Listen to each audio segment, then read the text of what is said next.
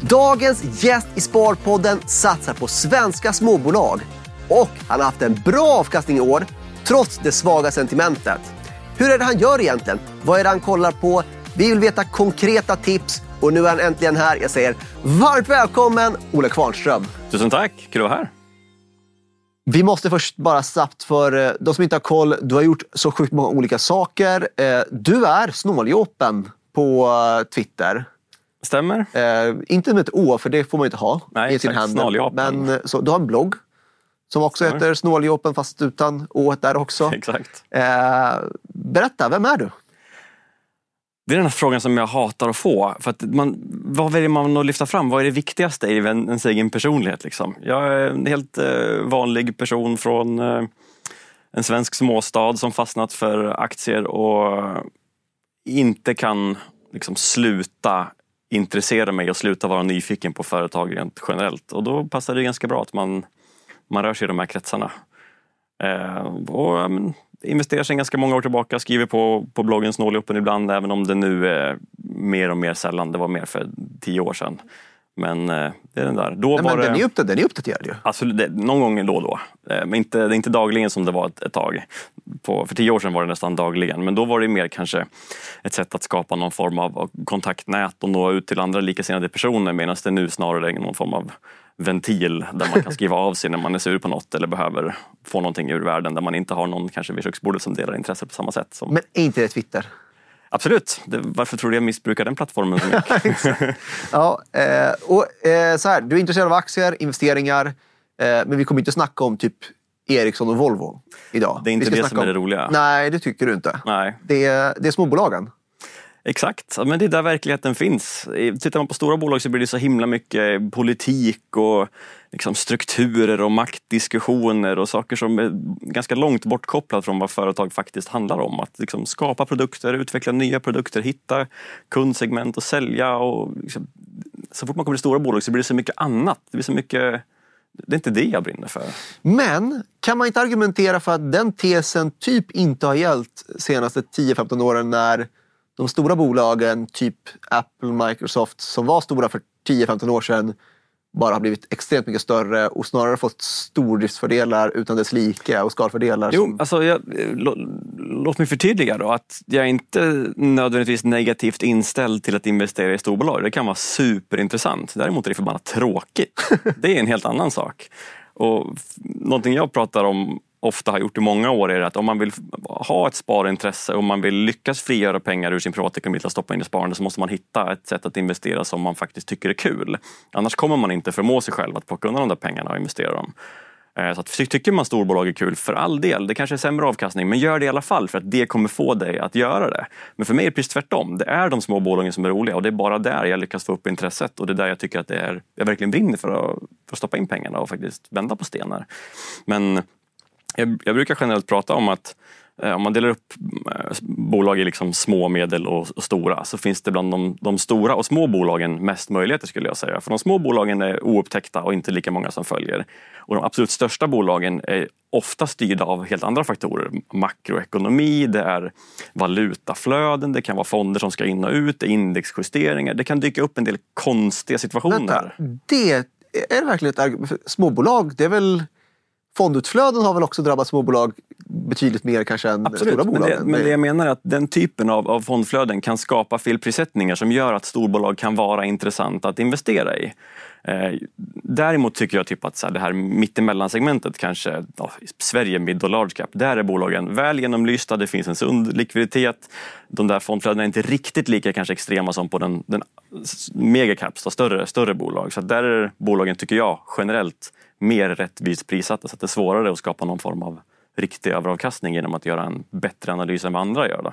Så jag tycker att ska man, ska man gräva någonstans och ha en, en förutsättning att skapa bra avkastning som privatperson så är det ju de små bolagen. Men jag förstår att det finns ett case i de allra största bolagen men det tycker jag är förbannat tråkigt för det är något helt annat, en annan sport. Senaste två åren, så, ja, kanske kortare än så till och med. Fastigheter har gått jättedåligt. Eh, småbolag har gått jättedåligt. Det är alltid bra att diversifiera, men här är bara min form av bild av dig och din portfölj. Den är inte superdiversifierad och den är inte på minus trots att småbolagen har gått jättedåligt. Nej. Stämmer det? Det, det stämmer. Eh, Nej, den har gått ganska bra, absolut. Det kan jag inte klaga över. Och den är inte jättediversifierad. Allting beror ju på hur man ser på saken. Men min noterade portfölj, det finns ett antal aktier, liksom, kanske 8-9 stycken eller sånt. Men däremot tre av dem står ju för 90 procent. Ja, Det skulle jag säga är inte jättediversifierat. Nej, men det beror på hur man ser det. Om man ser att de gör väldigt olika saker som inte nödvändigtvis påverkas av varandra så kanske det är ganska diversifierat ändå. Att äga åtta likadana bolag i samma, åtta fastighetsbolag det är ingen bra diversifiering. Men vad mina bolag har med varandra att göra är ju ganska lite egentligen. Så tre bolag kan ju ha noll koppling till varandra ändå. Så en, en liten portfölj som spretar väldigt mycket kan ju vara mer diversifierad än en stor portfölj med liknande bolag. Fair enough. Det, det kan jag köpa. Eh, när du ändå sagt tre bolag, kan du nämna vilka tre bolag det är? Absolut, det största innehavet jag har är ju Sheffelo där jag också sitter i styrelsen sen i våras. Det som alla känner som Linas matkasse. Exakt. Linas matkasse är det svenska varumärket men sen finns det ju tre varumärken till. Då. Men eh, absolut, Linas matkasse i Sverige. Eh, det näst största innehavet är faktiskt eh, Avencia. Och det tredje största innehavet är Envirologic där jag också sitter i, i styrelsen. Då. Så det är de tre största. De står för tillsammans ungefär 90 procent av den noterade portföljen.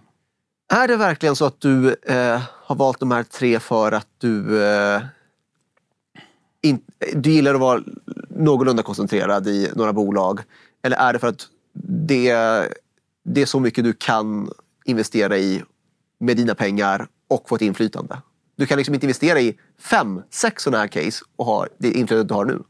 Nej men det, det, det är 100% sant. Alltså jag skulle inte kunna ha den positionen i så många bolag. Jag är för fattig för det. Liksom. Så, så enkelt är det ju.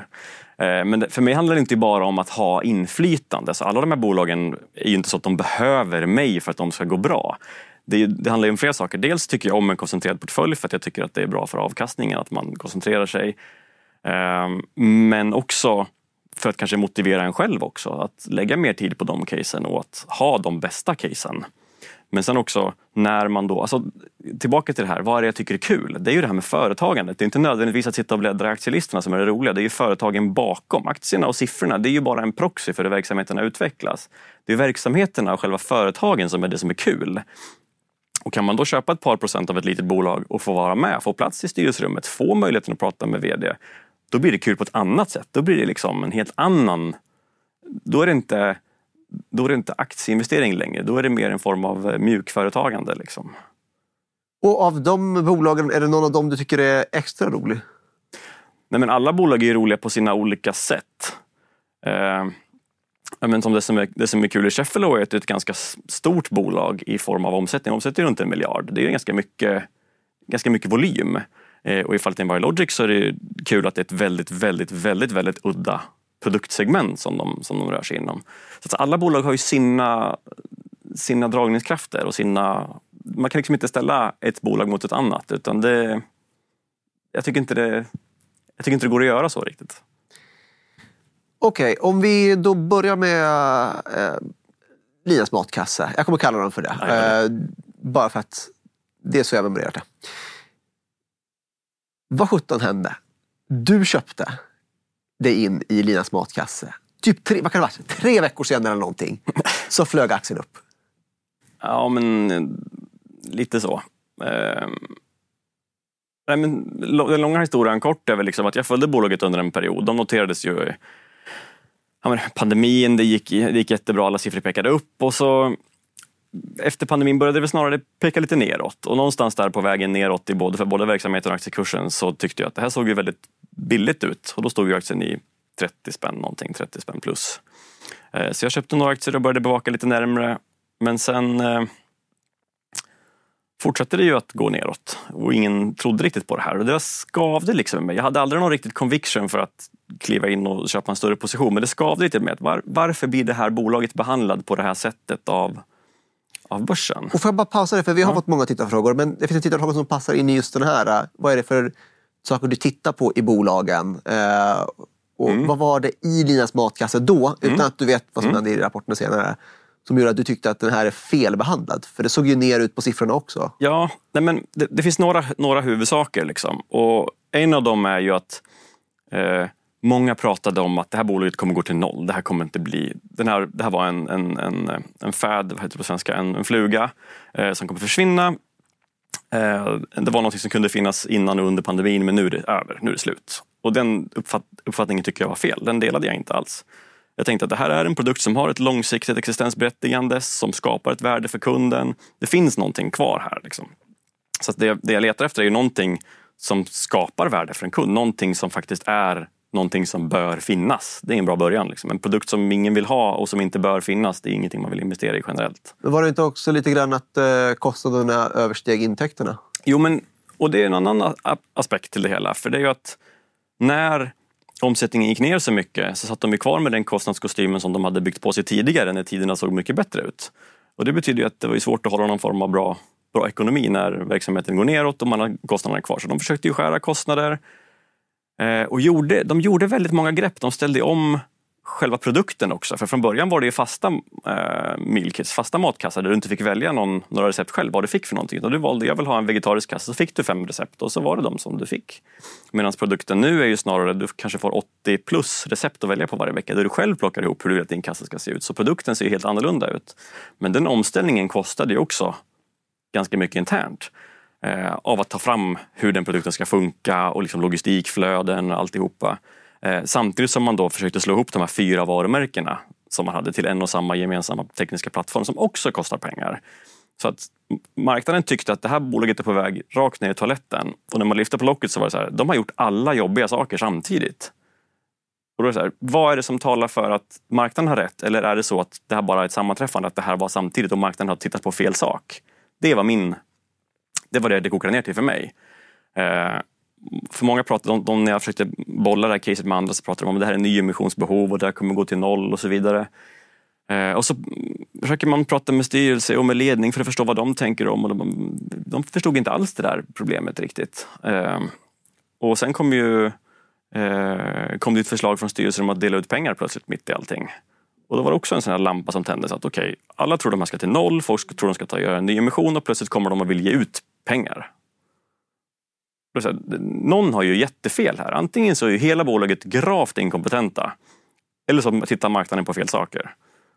Och där bestämde jag mig för att det är inte bolaget som har fel, det är marknaden som har fel. Det, det, är inte så illa, utan de har koll på läget. Det är bara att precis exakt just det här är liksom den absolut sämsta möjliga punkten för bolaget. Allting har pekat fel hit. Och nu finns förutsättningar för att det ska vända. Och där hade jag ju bonröta med tajmingen. Det finns ju inget som säger emot det. Liksom. Jag, jag, hade en känsla för att det här är, det kommer vända här någonstans. Det kanske tar ett år att vända.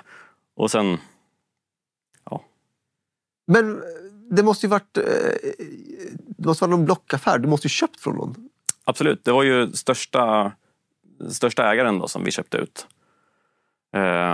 Hade inte de... Hade inte, eh, det är en person då? Nej, det var en, en norsk eh, private equity-fond Ja. Eh, men egentligen de kom in tidigare och börsnoterade det här. Och generellt en private equity-fond av det, det slaget har kanske en, en horisont på fem åtta år. Den fonden ska finnas i åtta år och sen ska den stänga och avslutas. Och i det här fallet det finns många, det finns många faktorer bakom och mycket som jag inte vill gå in på i detalj. Liksom. Man kan väl säga att den här fonden som var största ägare skulle inte finnas kvar längre och hade ingen långsiktig ambition av att vara huvudägare i det här bolaget. Det var helt enkelt fel. Fel, fel ägare till fel bolag. Eh, och då tänkte jag att men i den här positionen, marknaden är lite tuff. Det kanske finns fortfarande fler jobbiga beslut som måste göras. Så det här bolaget behöver någon att luta sig mot. Det här behöver huvudägare som tror på visionen långsiktigt och som kommer vara där när det blåser. För det kommer inte vara smärtfritt. Liksom. Och att då ha en största ägare som inte har för ambition att sitta kvar. Det är tufft att driva bolag så. Så det såg jag att tillsammans med de här faktorerna som jag såg att varför bolaget var felprissatt, alla de här parametrarna. Samtidigt så visste jag att förutsättningarna just nu finns kanske inte riktigt heller för ett bra, stabilt, långsiktigt ägande. Eh, men då ja, fick vi kontakt med huvudägaren Hercules där och eh, lyckades göra en affär och köpte ut dem. Så att nu, nu har bolaget lite andra, andra aktieägare istället. Då. Men om man tänker från tittarnas perspektiv och så mm. kanske man så här, äh, ja, nu är det gjort liksom och så här, det, det, är kul för dig, men mm. om man själv vill göra det här, var det så att du kollade kassaflödet eller vad, vad, vilka nyckeltal var det som...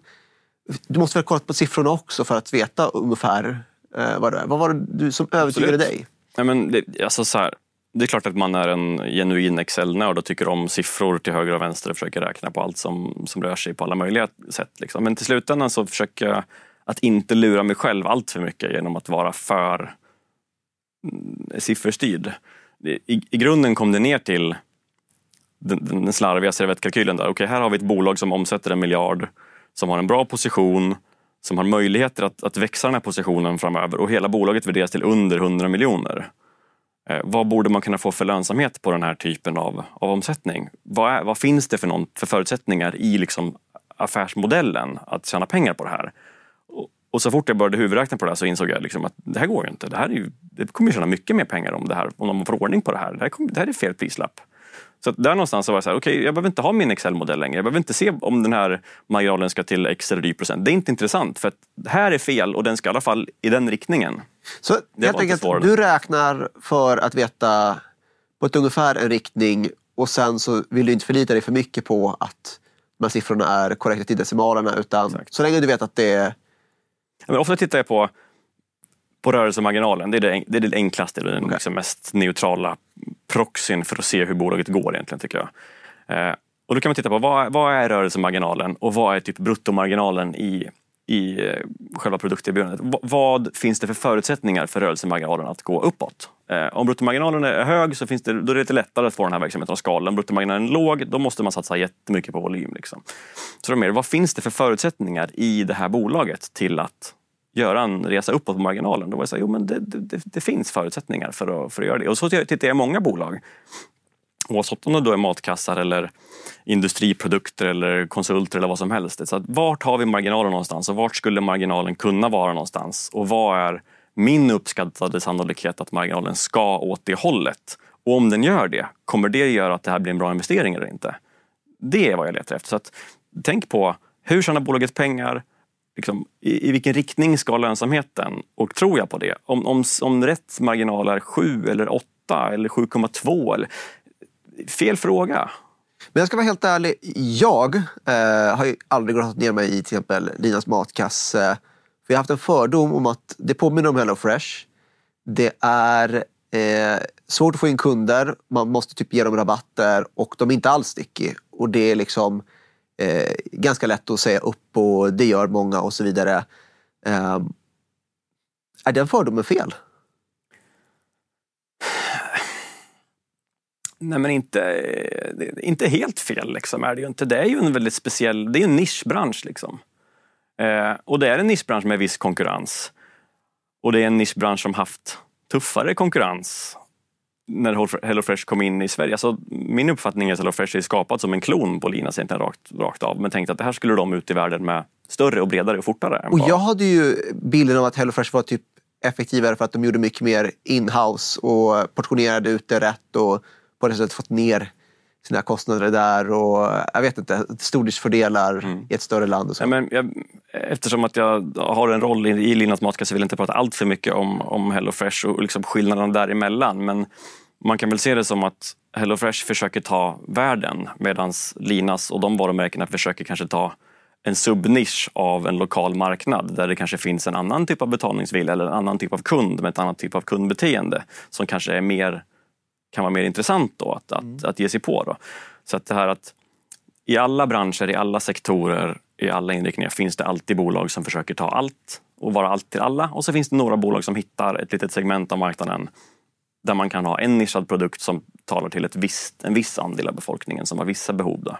Och jag tror att den, den rollen kan vara väldigt intressant att ha i det här, i det här fallet. Då.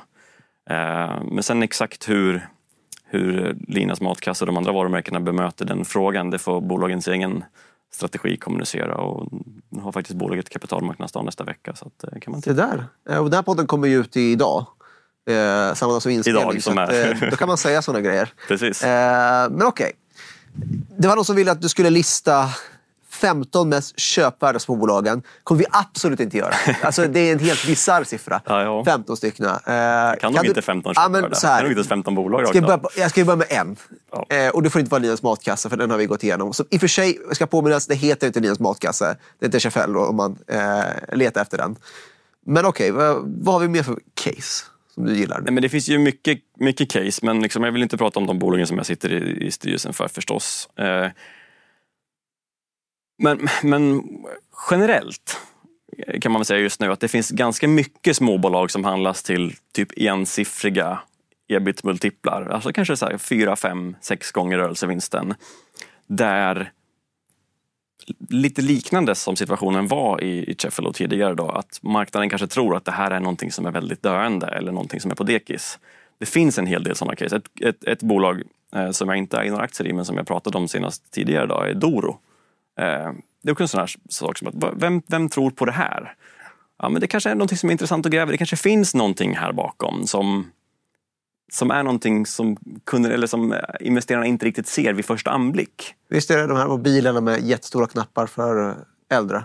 Ja, äldre är ju ett sätt att framea det på. Det kan ju vara för de som har särskilda behov, kanske ser lite sämre eller har diverse svårigheter med fin motorik och så vidare. Liksom. Men det, det, är ett av segmenten. Jag, jag, sagt, jag säger inte att eh, Doro är det mest köpare i hela världen, men jag tänker att i det segmentet av bolag finns det väldigt mycket intressanta möjligheter där det finns stor sannolikhet att värderingen är fel. Eh, jag tror att det är ett bra segment att gräva i. Så att, eh, Doro är ett sånt case som jag höll titta på nu. Som jag, jag har inte kommit fram till någon slutsats än. Det kanske absolut inte är köpvärt. Men det är men har du, på ändå. Har du något småbolag du kommit fram till en slutsats än, där du inte sitter i styrelsen? Ett, ett, ett bolag som jag kommit fram till slutsatsen att eh, eh jag vill äga det är ju eh, Avencia som jag nämnde som är mitt näst största, näst största innehav. Det är ett konsultbolag. Eh, men eh, det eh, bygger ju lite på bakgrunden att det här med vart ska marginalen någonstans, i vilken riktning rör sig det här bolaget och var kommer de ifrån för någonting. Så det är en, en e-handelskonsult, ett, ett ganska renodlat konsultbolag mot e-handel. Och bakgrunden till att det blivit ett case för mig är egentligen att de, de tog in en ex, extern VD, eh, byggde organisation, tog på sig ganska mycket overheadkostnader, allting hamnade kanske inte riktigt rätt. Eh, så var man tvungen att kanske backa lite grann från det. Sen fick man eh, postpandemiklimatet i ansiktet med att alla bromsade sina e-handelsinvesteringar. Så det var lite samma sak igen, att man hade ganska mycket saker som pekade i fel riktning. Eh, och marginalen gick ner under noll, de förlorade pengar ett tag. Liksom. Och så börjar man tänka så här, men vi lyfter blicken tre eller fem år här. Vart borde marginalen kunna hamna någonstans i det här bolaget på lite längre sikt? Och vad skulle bolaget kunna vara värt i en sån situation? Och då får man också tänka, vart kommer bolaget ifrån? Vad var bolaget för några år sedan och vad borde bolaget vara om några år? De kommer från en kraftig tillväxt där de alltid haft en lite lägre beläggning för att de alltid behövt ha folk på bänken för att kunna trycka ut nya uppdrag och växa hela tiden. Till en nu lite mer mogen marknad. Eh, skulle man då kunna bromsa ner tillväxten, hålla den lite lägre men höja beläggningen så ska ju marginalen kunna komma upp istället och man ska kunna tjäna ganska bra med pengar. Och så tittar man på vad folk tror att de skulle kunna tjäna för någonting och så tänker jag att det där är inte alls vad jag tror. Jag tror helt andra siffror. Men varför tror du att de tror det? Men man kan titta på kursen och så kan man ju se vad de som faktiskt, de få som följer bolaget, vad de uppskattar för, för marginaler, vad de tror att det kommer hända. Och tänker att jag delar inte den uppfattningen. Jag tror att det kommer vara andra marginaler, att det kommer vara högre. Och då tänker jag så här, okej, okay, nej, kommer de... Den viktiga, viktiga approach här är ju, tror jag att de kommer nå de marginalerna nu? Det är klart jag inte tror. Det kanske tar två år att komma dit för att just nu har vi inget kul klimat. Men om jag ska leta efter det där exakta tillfället när saker vänder och när saker går från 5 till 10% marginal eller whatever, då kommer jag ju bara lura mig själv. Det kommer inte gå att hitta den tajmingen. Så det viktigaste är att vart är vi nu och inom en period av 3 till 5 år tror jag att man kommer vara ungefär här. Någonstans på den resan kommer det bli en bra affär. Om det är imorgon eller om det är om tre år, det är inte så noga. Någon gång får jag betalt för det här. Så länge liksom den förväntade avkastningen per år på vägen dit är tillräckligt bra så det är bara att vänta. liksom. eh, hur ser du på risken på eh, lågkonjunktur? Brukar inte konsulter vara det första som ryker? Jo, men det känns som att vi har sett ganska mycket av den effekten också.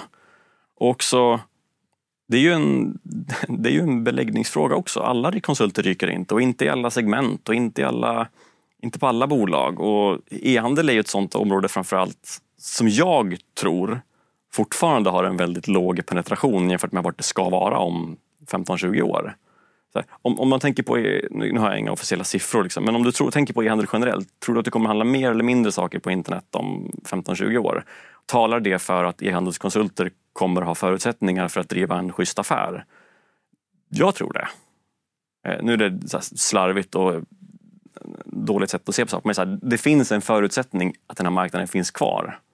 Eh, och bara för att det är lågkonjunktur exakt just nu eller att de har det tufft exakt just nu tyder inte på att det kommer vara det de kommande tio åren. Liksom. Men eh, har inte du också en bakgrund inom IT? Jo, jag jag har en bakgrund inom IT. Jag var affärssystemet i några år innan. Ja, precis. Och är det en av anledningarna till att du vågar gå in i caset så stort? Är det för att du kan branschen genom att du har jobbat där? Alltså om du frågar mig, så här, en e-handels IT-konsult, jag vet inte. De kanske är de första som ryker. De kanske är de sista som ryker. Nej, det är svårt liksom att säga. Liksom. Mer, mer, mer generellt, på grund av att jag har bakgrund som, som konsult, det vet jag inte, kanske. Liksom. Men generellt sett så är konsulting en ganska simpel affärsmodell. Det är timmar in, timmar ut. Vilket, vilket timmarvod du tar av kunden, vad har du för personalkostnader? Flexibiliteten i att skära kostnader är ganska lätt. Du har inte så stora fasta kostnader, så behöver du skära ner kan du göra det ganska fort. Behöver du skala upp kan du göra det ganska fort. Det är en ganska simpel, simpel modell. Har du då en nisch där du kan liksom hitta ett tydligt segment där du kan särskilja dig från generiska konsulter som erbjuder allt. Eh, då kan du ha en annan prispunkt där du tar kanske någon hundring eller två mer per timme än vad de andra gör och få lite roligare uppdrag med lite bättre marginal. Och så det, det, är en enkel affärsmodell där man, om man hittar ett bra segment, kan tjäna bra med pengar. Och då, det finns ju inget kapitalbehov i att växa en konsultverksamhet. Eller ska de växa så behöver de anställa mer folk. Det kostar ingenting. Så att ett sånt bolag ska kunna dela ut ganska mycket av vinsten. Men det kostar ju mer att anställa, eller? Jo, men du anställer personer och sen går de ut i uppdrag ganska snart. Jag menar att du behöver inte köpa en ny fabrik nej, för att du ska växa 10 procent. Det är inte där vi handlar om kostnader. Det är att du, du betalar med lite lägre beläggning på din nya personal. Eh, men som sagt, ur ett, ur ett liksom, eh, kapitallätt perspektiv så är det inte, det binder inte massa pengar att driva konsultbolag. Det är ganska lätt det är, och, och ganska simpelt som affär att förstå. Eh, och jag, är inte så, jag, jag, är inte så smart, jag tycker om simpla saker. Liksom. Kära Sparpodden tittare, lyssnare. Jag vet att många av er redan är kunder hos oss på Nordnet. Det är jättebra. Men ni som ännu inte har blivit det, nu är det dags att bli det. Vi har nämligen gjort så att alla nya kunder med 50 000 eller mindre i sparkapital hos oss får gratis courtage på Stockholmsbörsen, max 500 affärer per år och sen får man tillbaka alla fondavgifter. Yes! Alla fondavgifter. Men varför ska man välja Nordnet förutom det här erbjudandet? Det finns mängder av anledningar. Till exempel har vi ett enormt utbud av värdepapper man kan investera i. Vi har till exempel handel i Storbritannien. Vi har även så att man kan månadsspara courtagefritt i ETFer. Fördel när det kommer till skatt på utdelningar för finska aktier jämfört med många konkurrenter. Och sen har vi en stabil plattform med en upptid hittills på 99,9 Ta i trä, vi ska inte jinxa detta. Det är några av skälen till att välja just Nordnet. In på nordnet.se eller i appen för att ta del av erbjudandet. Lycka till!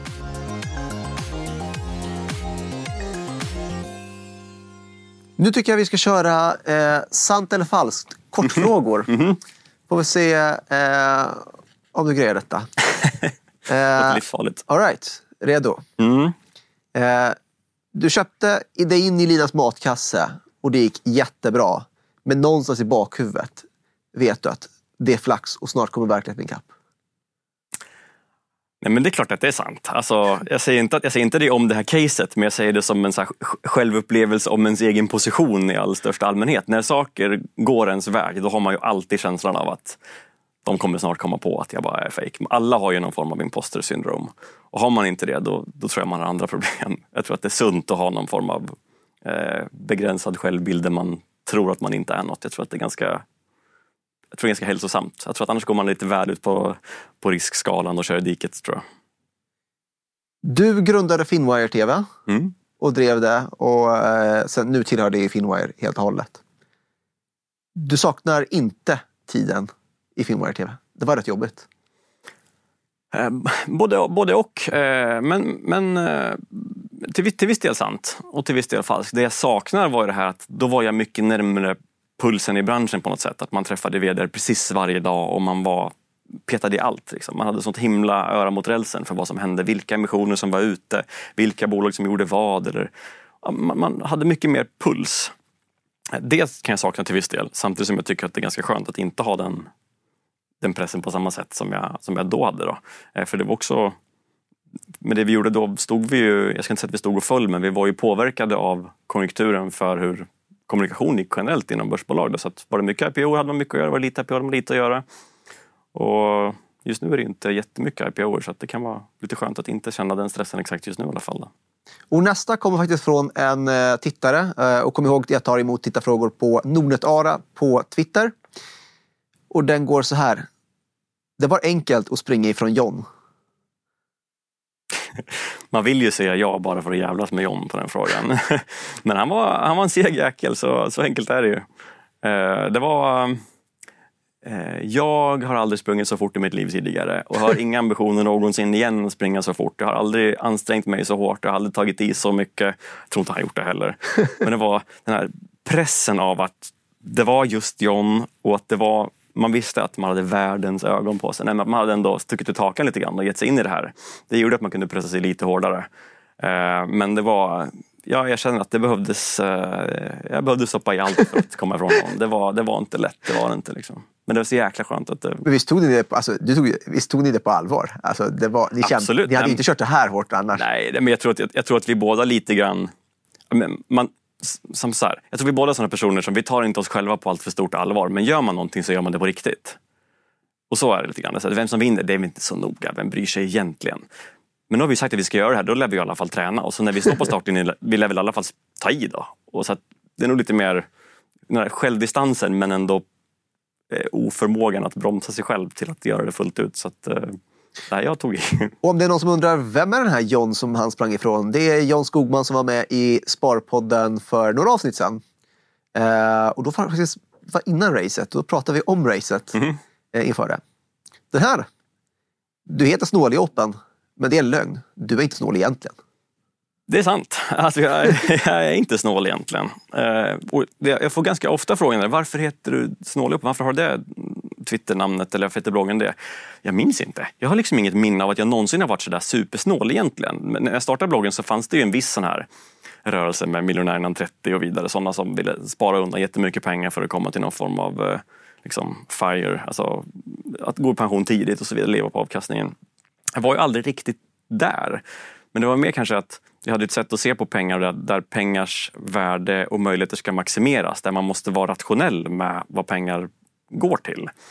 Så att jag kan vara kanske snål mot mig själv men jag är definitivt inte snål i att saker inte får kosta pengar något. Men jag är däremot kanske ganska, ganska rationell i vad som får kosta, vad som inte får kosta. Jag är superointresserad liksom, av dyra märkeskläder eller köra någon dyr bil eller, eller sådana saker. Liksom. Men skulle jag köpa en till exempel en eh, löparklocka, om det får mig att springa lite mer, ja då får det gärna kosta, det gör inte mig någonting. Där lägger jag gärna pengar. Så jag lägger gärna pengar om det är någonting som jag känner att jag får tillbaka någonting ifrån.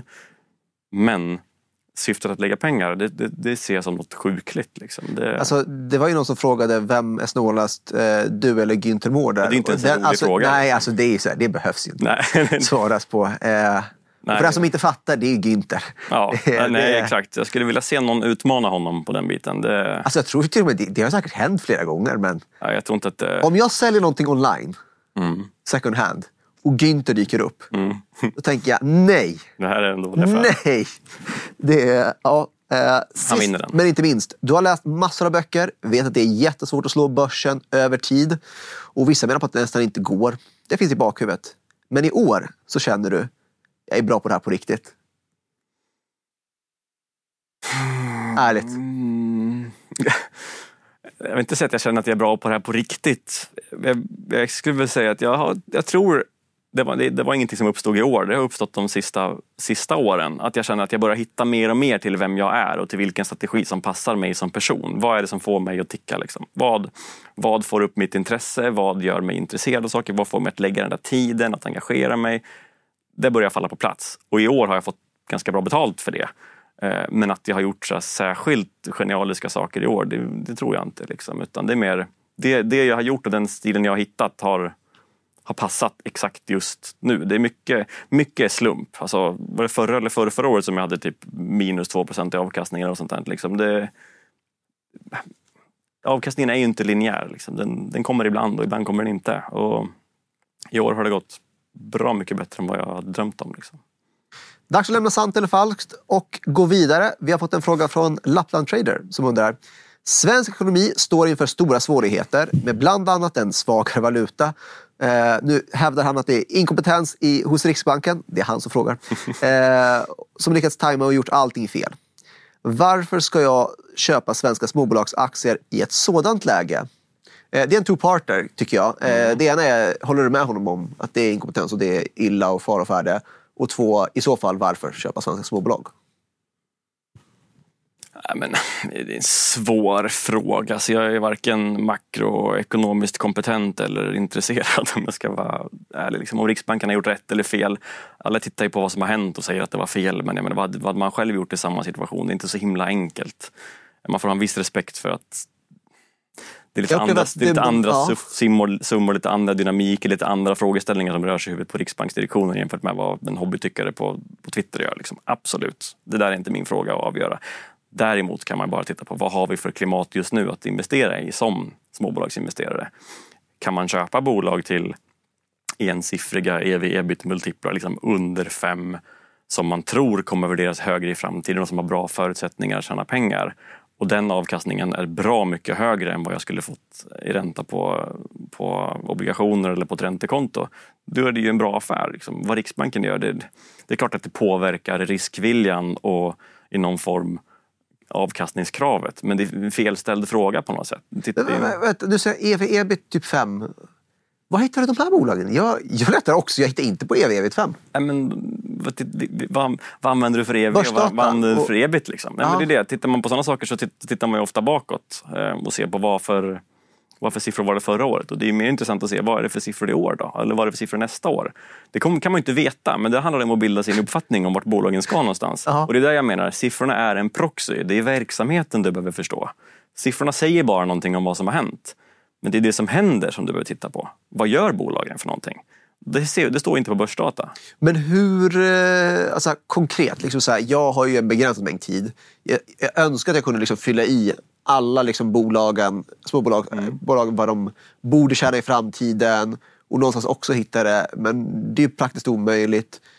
Vilka bolag väljer du att grotta dig in i och extrapolera liksom, eh, vad ebit borde bli framöver? Jag önskar, att det fanns, jag önskar att det fanns någon röd tråd, men det gör inte riktigt det. Utan det handlar väl mer om att man varje dag läser massa bolagsnamn och man ser lite nyheter och man ser saker som händer och någonstans fastnar det där i bakhuvudet. Ja, just det, det här bolaget, där hände det här.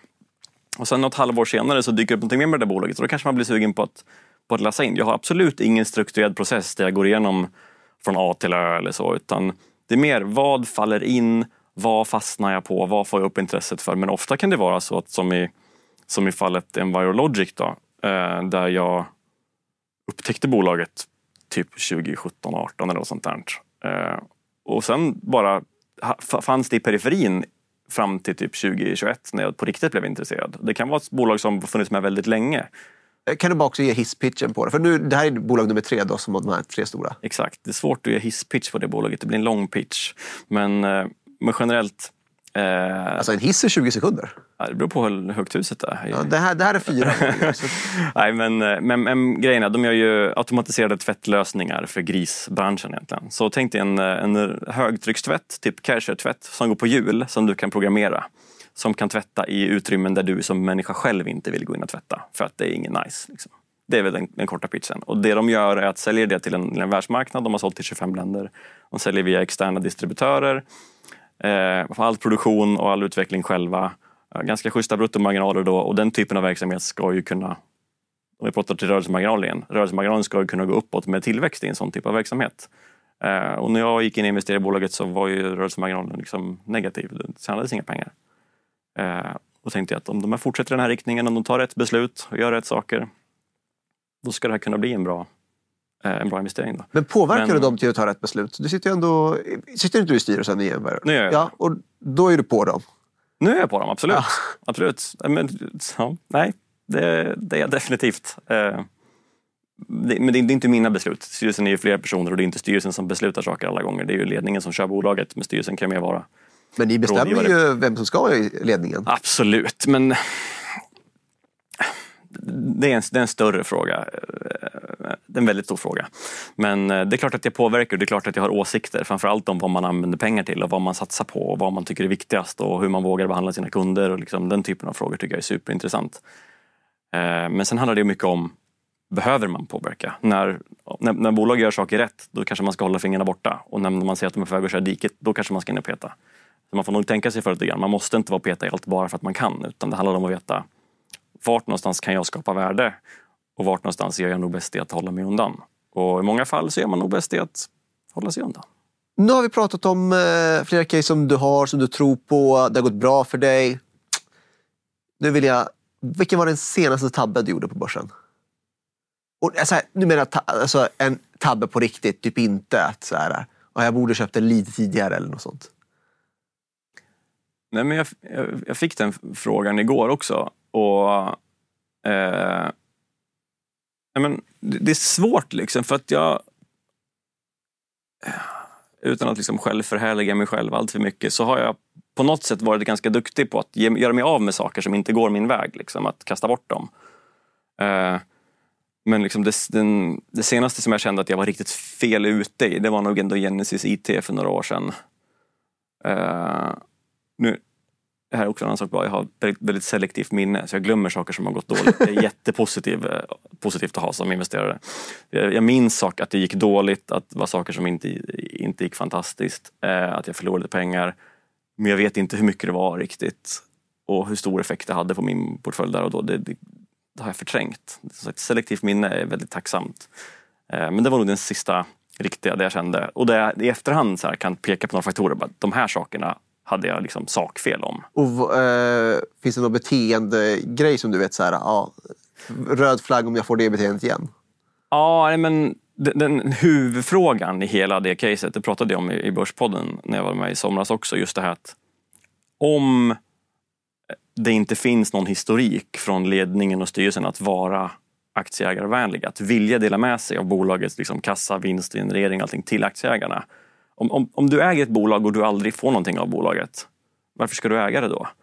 Och det här bolaget var ju då kontrollerat av en, av en familj som själva bara byggde upp kassan istället och blockerade alla som kom med förslag om utdelningar röstade de bara nej till hela tiden och bara byggde kassa i det där bolaget. Så de ville ju aldrig göra någonting och det kom aldrig aktieägarna till gagn så det, det blev aldrig något. Var inte de själva aktieägare? Jo, absolut. Vill inte de ha utdelning? Jo, men det fanns ett litet och det fanns också ett lån till familjen från det där bolaget. Det var lite så här, nej men, huvudfrågan man bör ställa sig innan man investerar någonting överhuvudtaget är Jobbar ledning och styrelse för aktieägarnas bästa eller jobbar de för sig själva? Och den frågan har fått mig att tända av på ganska många bolag där man lyfter, lyfter på locket och så här Nej, de här kommer inte skapa aktieägarvärde. De kommer bevaka sina positioner till att de har kvar sina styrelseuppdrag och sina vd-poster. Men det kommer inte komma ut pengar ur det här bolaget. Liksom. Och därför tycker jag att det är superviktigt att det finns ägarrepresentation i styrelseled framför allt. Att det sitter några representanter i styrelsen som har mycket pengar, som har lagt upp plånboken på bordet och sagt att om det här går dåligt då är det mina pengar som ryker. Om det här går bra då tjänar jag någonting på det. För i många bolag finns inte det och då är det ofta ett litet imperiebyggande där man tänker vi ska köpa det här bolaget för då blir bolaget större och vi ska in på den här marknaden för det är kul. Men skapar det värde för våra aktieägare? Man måste våga ställa den frågan, man måste våga hård på den frågan. Och många bolag kan man välja bort ganska fort för att det finns inte förutsättningar för det. Där det inte finns representanter som tänker så. Och finns det ingen då i styrelsen som äger mycket aktier så måste man själv gå in och gräva och se, har de ändå intresse av att springa aktieägarnas ärenden? Eller har de historik av att ha gjort det? Och har de inte det, jag är inte intresserad, inte för fem öre. Jag skulle dock tippa, bara ren på chansning, att 95 procent av tittarna på Sparpodden och kanske en ännu större del av de som inte ens tittar på Sparpodden investerar i aktier utan att hålla koll på vilka som sitter i styrelsen. Absolut, det tror jag också. Och det tror jag är en jättemiss.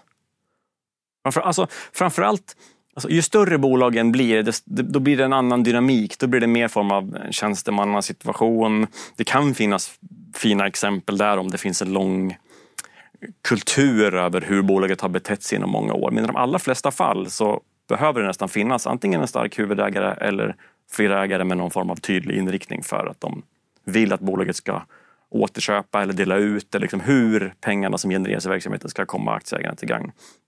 Och ju mindre bolag desto viktigare tycker jag att det är. Finns det herrelösa små bolag då kan det plötsligt komma in en VD med lite fel agenda och sen kan man köra allting i botten rätt fort. Liksom. Eh, men eh, det är det där. Ska du investera i indexfonder? Ska du ha en passiv strategi? Ja, men då kanske det inte är din huvudfråga.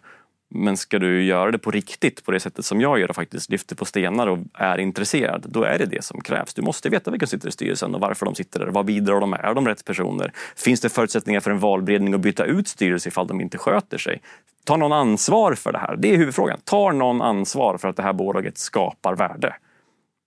I många fall är svaret nej. Och då vill inte jag ha med det att göra. Så det är en, eh, om man summerar dig då. Om jag bara, så här, det börjar med så här, men Excel någonstans se så att det här liksom räknemässigt inte är ett omöjligt case. Se om de kan skapa värde. Och sen lägger du väldigt stor vikt på eh, styrelsen. Den, när du säger aktieägarvänligt, pratar vi enbart om att göra utdelningar eller inte göra Nej. utdelningar? Eller vad mer kan, tänker du där? Nej, utan det är mer den här tanken om att... Alltså, man kan tänka sig som att det behöver finnas en styrelse som förstår frågan om kapitalallokering. Bol, bolagets pengar, alltså vinsten som bolaget genererar, hur använder vi den för att skapa så mycket värde som möjligt för aktieägarna framåt? Är det att just nu finns det inget vi kan göra, vi kan inte investera i verksamheten, det finns ingen att anställa, det finns ingen konkurrent att köpa. Nej, men då kanske vi ska ge dem till aktieägarna istället så får de ta hand om pengarna. Det är fine. Liksom. Ofta finns det någonting man kan göra. Du kanske ska bygga en ny fabrik, eller du kanske ska öppna ett nytt land, eller du kanske vill köpa en konkurrent eller någonting. Och styrelsen måste förstå vilka möjligheter har vi? Vilken har bäst förväntad avkastning? Vilka risker är förknippade med de olika? Och sen fatta rätt beslut löpande. För det som är rätt beslut i år kommer inte vara rätt beslut nästa år. För din aktiekurs kanske står dubbelt så mycket nästa år eller, eller lägre. Nu kanske det är ett jättebra tillfälle att återköpa för många bolag. Och nästa år kanske inte är det. Förra året var kanske katastrof. Liksom. Det kan vara jätteskillnad. Men har man då en styrelse som är, vi gör alltid återköp varje år oavsett vad kursen står i, då förstår inte de kapitalallokering. Det handlar ju om att välja det bästa beslutet för stunden och det kommer vara olika varje gång. Så Det är det som är frågan. Ibland är det utdelning som är rätt, ibland är det återköp, ibland är det att köpa någonting av en konkurrent eller växa. Eller, och ibland är det kanske att bara bygga kassa för att skapa möjligheter för nästa år. Men man måste förstå den frågan och ha någon som är nitisk. Och är det inte styrelsen så måste det vara ledningen. Ofta behöver det vara båda som fattar det här. Och i många fall är det ingen som fattar det här. Känslan är att du hade blivit tokig om du hade varit i Japan och försökt hitta. Det, finns ju bolag där som har så här Absolut. 60-70 procent kassa. Liksom. Absolut. Bara samlat i decennier. Men det är också det som är, det kan vi, det är en intressant sidopunkt. För det är en sån här sak som så svenska småbolagsinvesterare det finns ett stort gäng sådana typ på Twitter och så vidare. Som tittar på så Japan och Sydkorea och så vidare. Bara, det är så billigt på ev-ebit. Ja, men det genereras massa pengar som stoppas in i kassaskåpet och aldrig kommer ut därifrån. Och varför då? Nej, men för att det här bolaget ska finnas i tusen år. För det har min farfar sagt som grundade det här bolaget en gång i tiden. Och nu är det bara så. Familjen ska aldrig släppa taget om bolaget. Bolaget ska aldrig någonsin riskera sin existens. Men kommer, kommer någon gång aktieägarna bli lyckliga för det här? Nej, det kommer de inte. För det kommer aldrig komma ut några pengar härifrån. Och då är det bara, det, det passar inte som ett noterat bolag med externa aktieägare. Det är en intern familjeangelägenhet. Det funkar inte.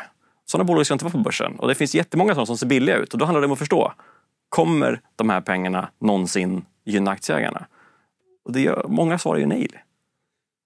Och med de orden, Olle, så måste vi runda av. Och det var ju sjukt intressant. Eh, dels perspektivet från styrelsen eh, som till och med jag ska erkänna har underskattat från min del. Jag har inte stenkoll på styrelsen i alla mina bolag. Men det ska jag ta reda på. Och till er i Sparpodden får ni inte missa framöver för då beger vi oss till Göteborg. Vi ska träffa Erik Selin, VD på Balder och sen ska vi också träffa Volvo Cars.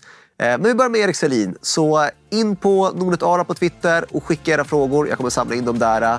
Så eh, ses vi i Göteborg nästa gång. Ha det bra på återseende och tack Ola. för att du var här. Tusen tack Ara.